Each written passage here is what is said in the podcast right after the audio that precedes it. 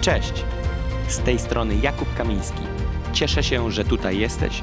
Zachęcam Cię, abyś otworzył swoje serce i pozwolił Duchowi Świętemu działać. Wierzę, że to przesłanie przyniesie nowe rzeczy do Twojego życia. Wiecie, jesteśmy w podróży, jesteśmy w podróży jako Kościół. Ja kiedyś powiedziałem takie zdanie, że my jako nowonarodzeni ludzie z Bożego Ducha, dzieci Boże, skupiamy się często na powołaniu, które jest na nas, na powołaniu, które Duch Święty daje do naszego życia, typu o, jaki jest Boży plan dla mojego życia. I to jest super, bo to są kluczowe pytania, które trzeba sobie w życiu zadać. Jakie powołanie ma Bóg względem mnie? Ale wiecie, odkrycie moje jest takie.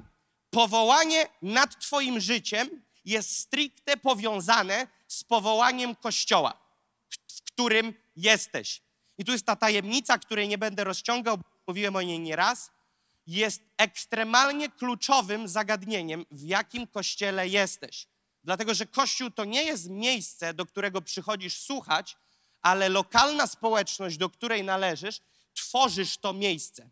I słowo, które jest podawane w danym kościele, w danym momencie, w danym czasie, jest powiązane z Tobą i z Twoim czasem, w którym jesteś. I Bóg mówi do swojego kościoła. Tak ogólnopolskiego, tak międzynarodowego, ale w Apokalipsie Jana czytamy, że anioł przemówił do siedmiu zborów i do każdego powiedział co innego. Więc każdy kościół ma słowo podane w innym czasie i inne słowo. Dlatego jest to kluczowe, abyś karmił się dietą, która jest ci potrzebna na dany moment. Oznacza to, że Twoje umiejscowienie w kościele lokalnym jest strategiczne. Wielu ludzi tego nie rozumie i mają problem, bo się nie mogą rozwijać. To tak jak ten kwiat, to jest kwiatuszek, który a nic się nie mógł rozwinąć za domkiem pastorów Wojtka i Oliwa Laszczyk. I pewnego dnia przesadzili je, przesadzili tego kwiata do innej ziemi, do swoich teściów. I wiecie, co się stało? Chwila, moment i rozkwit. Bo zmienił grunt. I kluczowym jest bardzo, i te grunty to są lokalne kościoły. I to jest bolesne, ale prawdziwe. Jeżeli nie jesteś w kościele, w którym umiejscowił cię Bóg, ale jesteś na przykład w tym, z którego ci wygodniej jest dojść z przystanku, rozumiesz o co chodzi? Wtedy się rozmijasz. I to jest bardzo ważne, aby być w miejscu, do którego powołał cię Bóg. Więc teraz próbuję powiedzieć, że ta łódka lokalnego kościoła, jesteśmy w pewnej podróży. Siedzimy razem na tej łódce, płyniemy razem. To nie jest, że ja se płynę jakimś motorem wodnym, niektórzy są na pontonach, inni na kołach ratunkowych. Nie, nie. Jesteśmy na jednej łódce.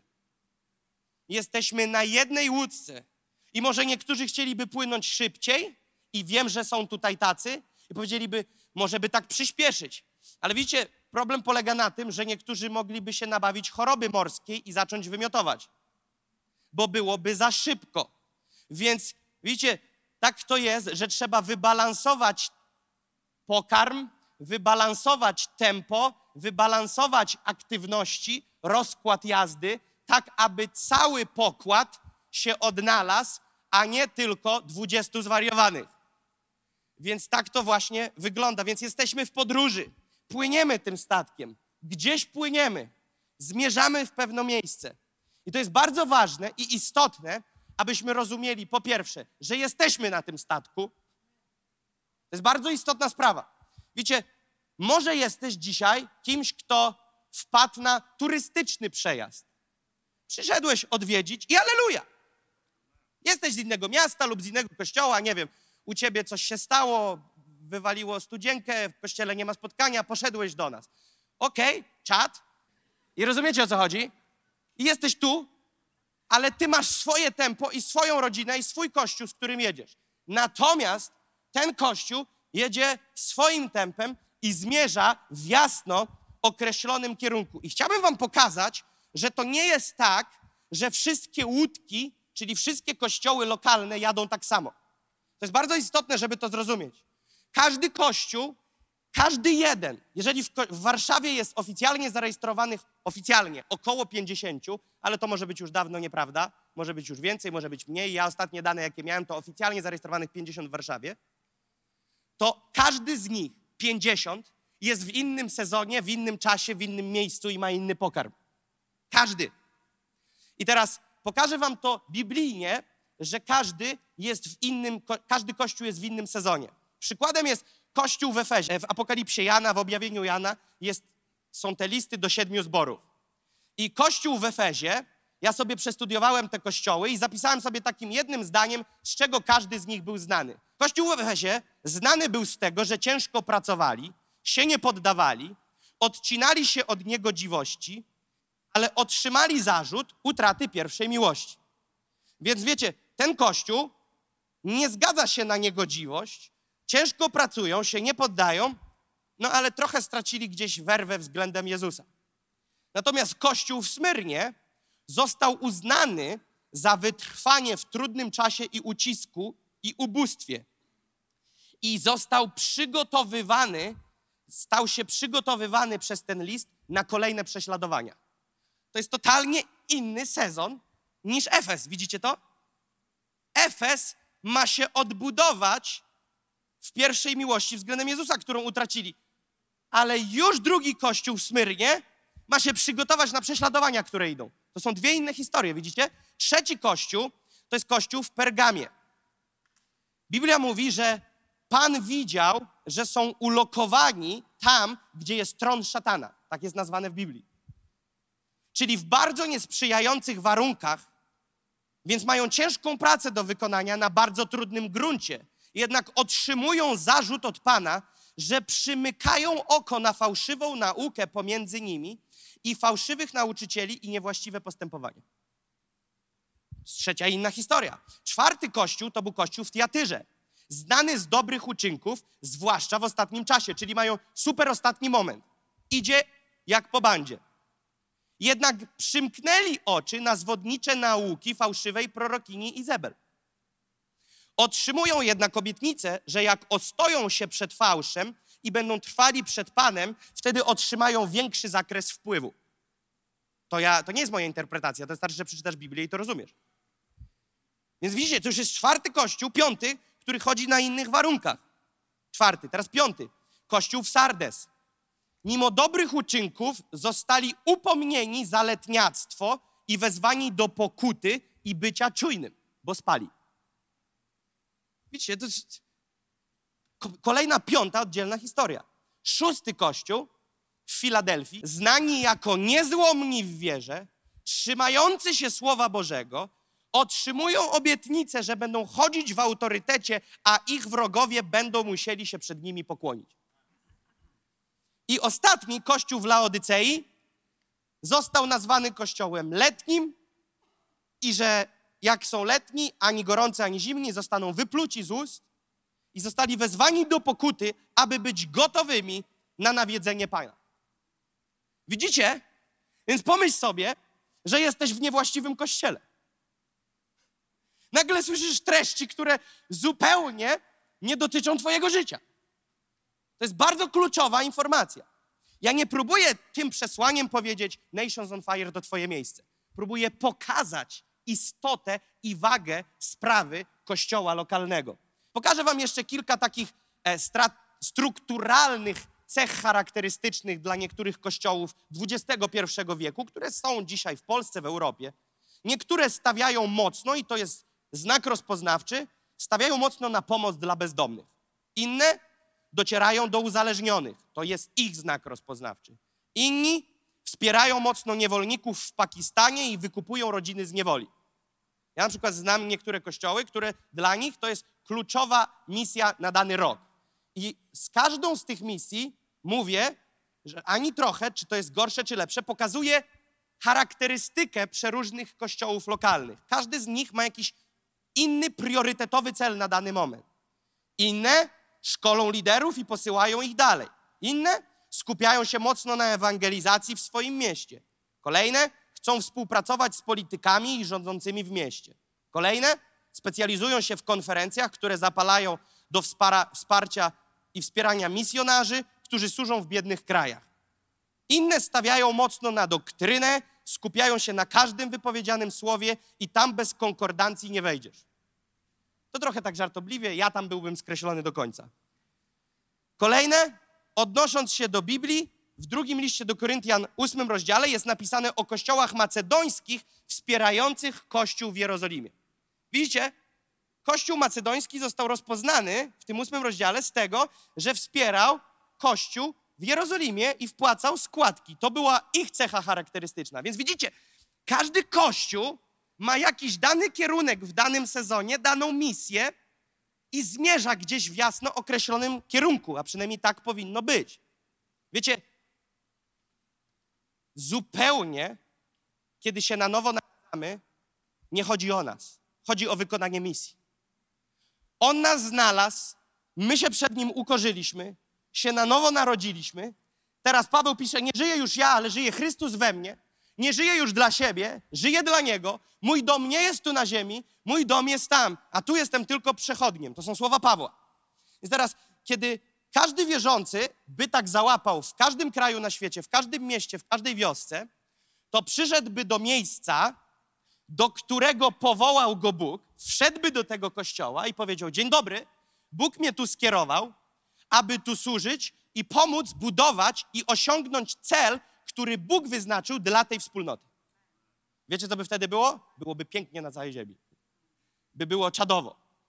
Widzicie, kiedy nie jesteśmy tego świadomi, że kościoły różne mają różny dany moment i sezon i konkretnie ukierunkowane działania, jeżeli tego nie zrozumiemy, to wtedy przychodzisz z głową pełną pomysłów do kościoła i te, po, te pomysły są fajne. I mówisz, zróbmy to, zróbmy to, zróbmy to i zróbmy to.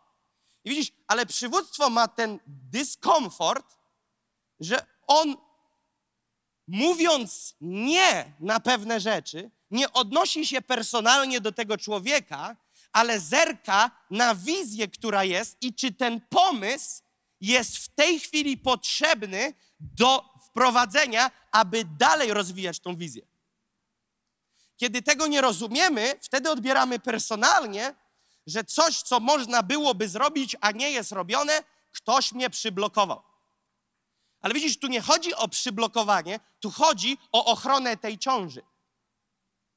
Wiecie, ta wizja to jest tak jakby ciąża, którą wierzę, że coraz więcej ludzi w tym kościele odkrywa, że nosimy.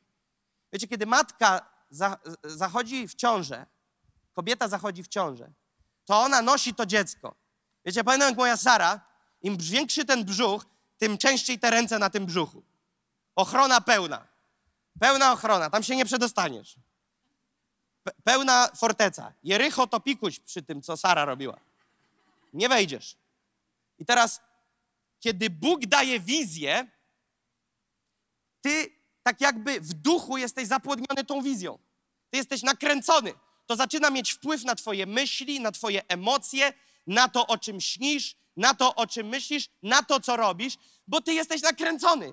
To nic z ciebie, to jest Boże. Bóg to ci wsadził i ty nie masz nic do gadania. Nie masz nic do gadania, to cię po prostu ciągnie.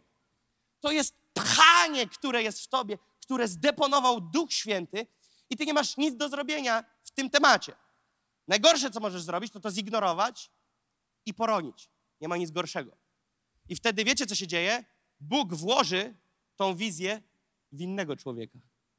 W tego, który poniesie i doprowadzi tą ciążę do końca. Tak było z Reinhardem Bonke, bo kiedy Reinhard Bonke otrzymał sen od Boga, w którym widział Afrykę obmytą krwią, to był 1963 rok. Otrzymał sen, że Bóg powołuje go do Afryki. Ale w tamtym czasie, wiecie, nie było internetu, że wchodzisz na Facebooka i patrzysz na streama, jak wyglądają spotkania w Afryce.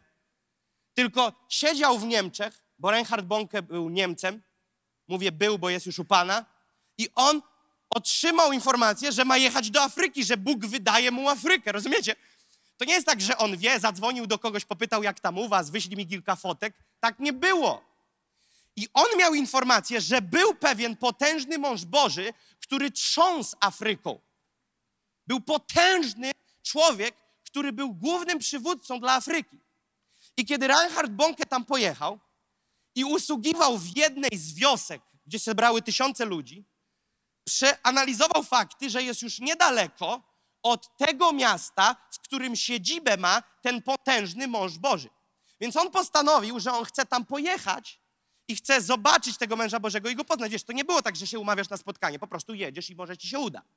Więc on tam dotarł, nie było tego głównego, ale był jakiś człowiek i ten człowiek pyta, jak mu można pomóc, a Reinhardt mówi, mówi no chciałbym spotkać tego i tego. A on się posmutni, posmutniał na twarzy i powiedział, ten człowiek porzucił służbę i porzucił zadanie, które Bóg włożył w jego sercu. Reinhardt zamarł i mówi, kiedy to było? A on mówi, 1963. To jest prawdziwa historia. Rozumiecie? Bóg powierzył misję Afryki dla pewnego gościa. Gość to ciągnął i rozwijał. Na różnych kontynentach o nim było wiadomo, ale pewnego dnia popuścił, zrezygnował. I Bóg nie rezygnuje ze swoich planów. To my rezygnujemy z Jego planów. Ale On ze swoich nigdy. Bo On ma ostatnie zdanie i jest Bogiem Wszechmocnym. I wiesz, co wtedy robi? Leci do Niemiec, Boży Palec, i mówi, Reinhard, jedziesz. Ale zanim Reinhard pojechał, nie czuł pokoju. Rozumiecie? My często mówimy, nie czuję pokoju. I Reinhard nie czuł pokoju wewnętrznego, żeby jechać. I poszedł do hotelu, aby się modlić. Zamknął się w pokoju i się modlił. Ale zanim poszedł do tego pokoju, poszedł do swoich liderów, których miał nad sobą. To nie jest zachęcenie do rebelii. I poszedł do nich i powiedział: Czy mam jechać? A on nie, nigdzie nie jedziesz. Ty musisz zostać tutaj. Więc on poszedł do hotelu i mówi: Boże, to są słowa Reinharda, pozwól mi się zgodzić z moimi przełożonymi.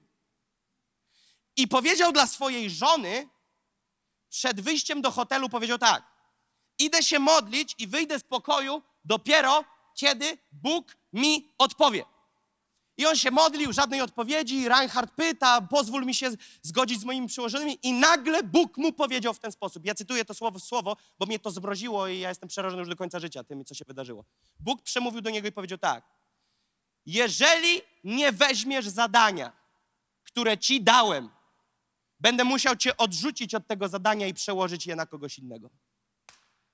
Reinhard powiedział tak: Zmroziło mnie. Zmroziło mnie. Wybiegłem z pokoju, wróciłem do mojej żony i powiedziałem: Pakujemy się i wyjeżdżamy. Bóg mi powiedział, że jeżeli nie wezmę tego zadania, to on nas odrzuci z tym zadaniem i daje komuś innemu. I wiecie, to miejsce ma jasno określone zadanie. Modlę się, aby to przesłanie zaprowadziło Cię do zwycięskiego życia z Jezusem. Zajrzyj na moje media społecznościowe, gdzie możesz dowiedzieć się więcej o służbie Nations on Fire lub wesprzeć nas finansowo. Pozostajmy w kontakcie.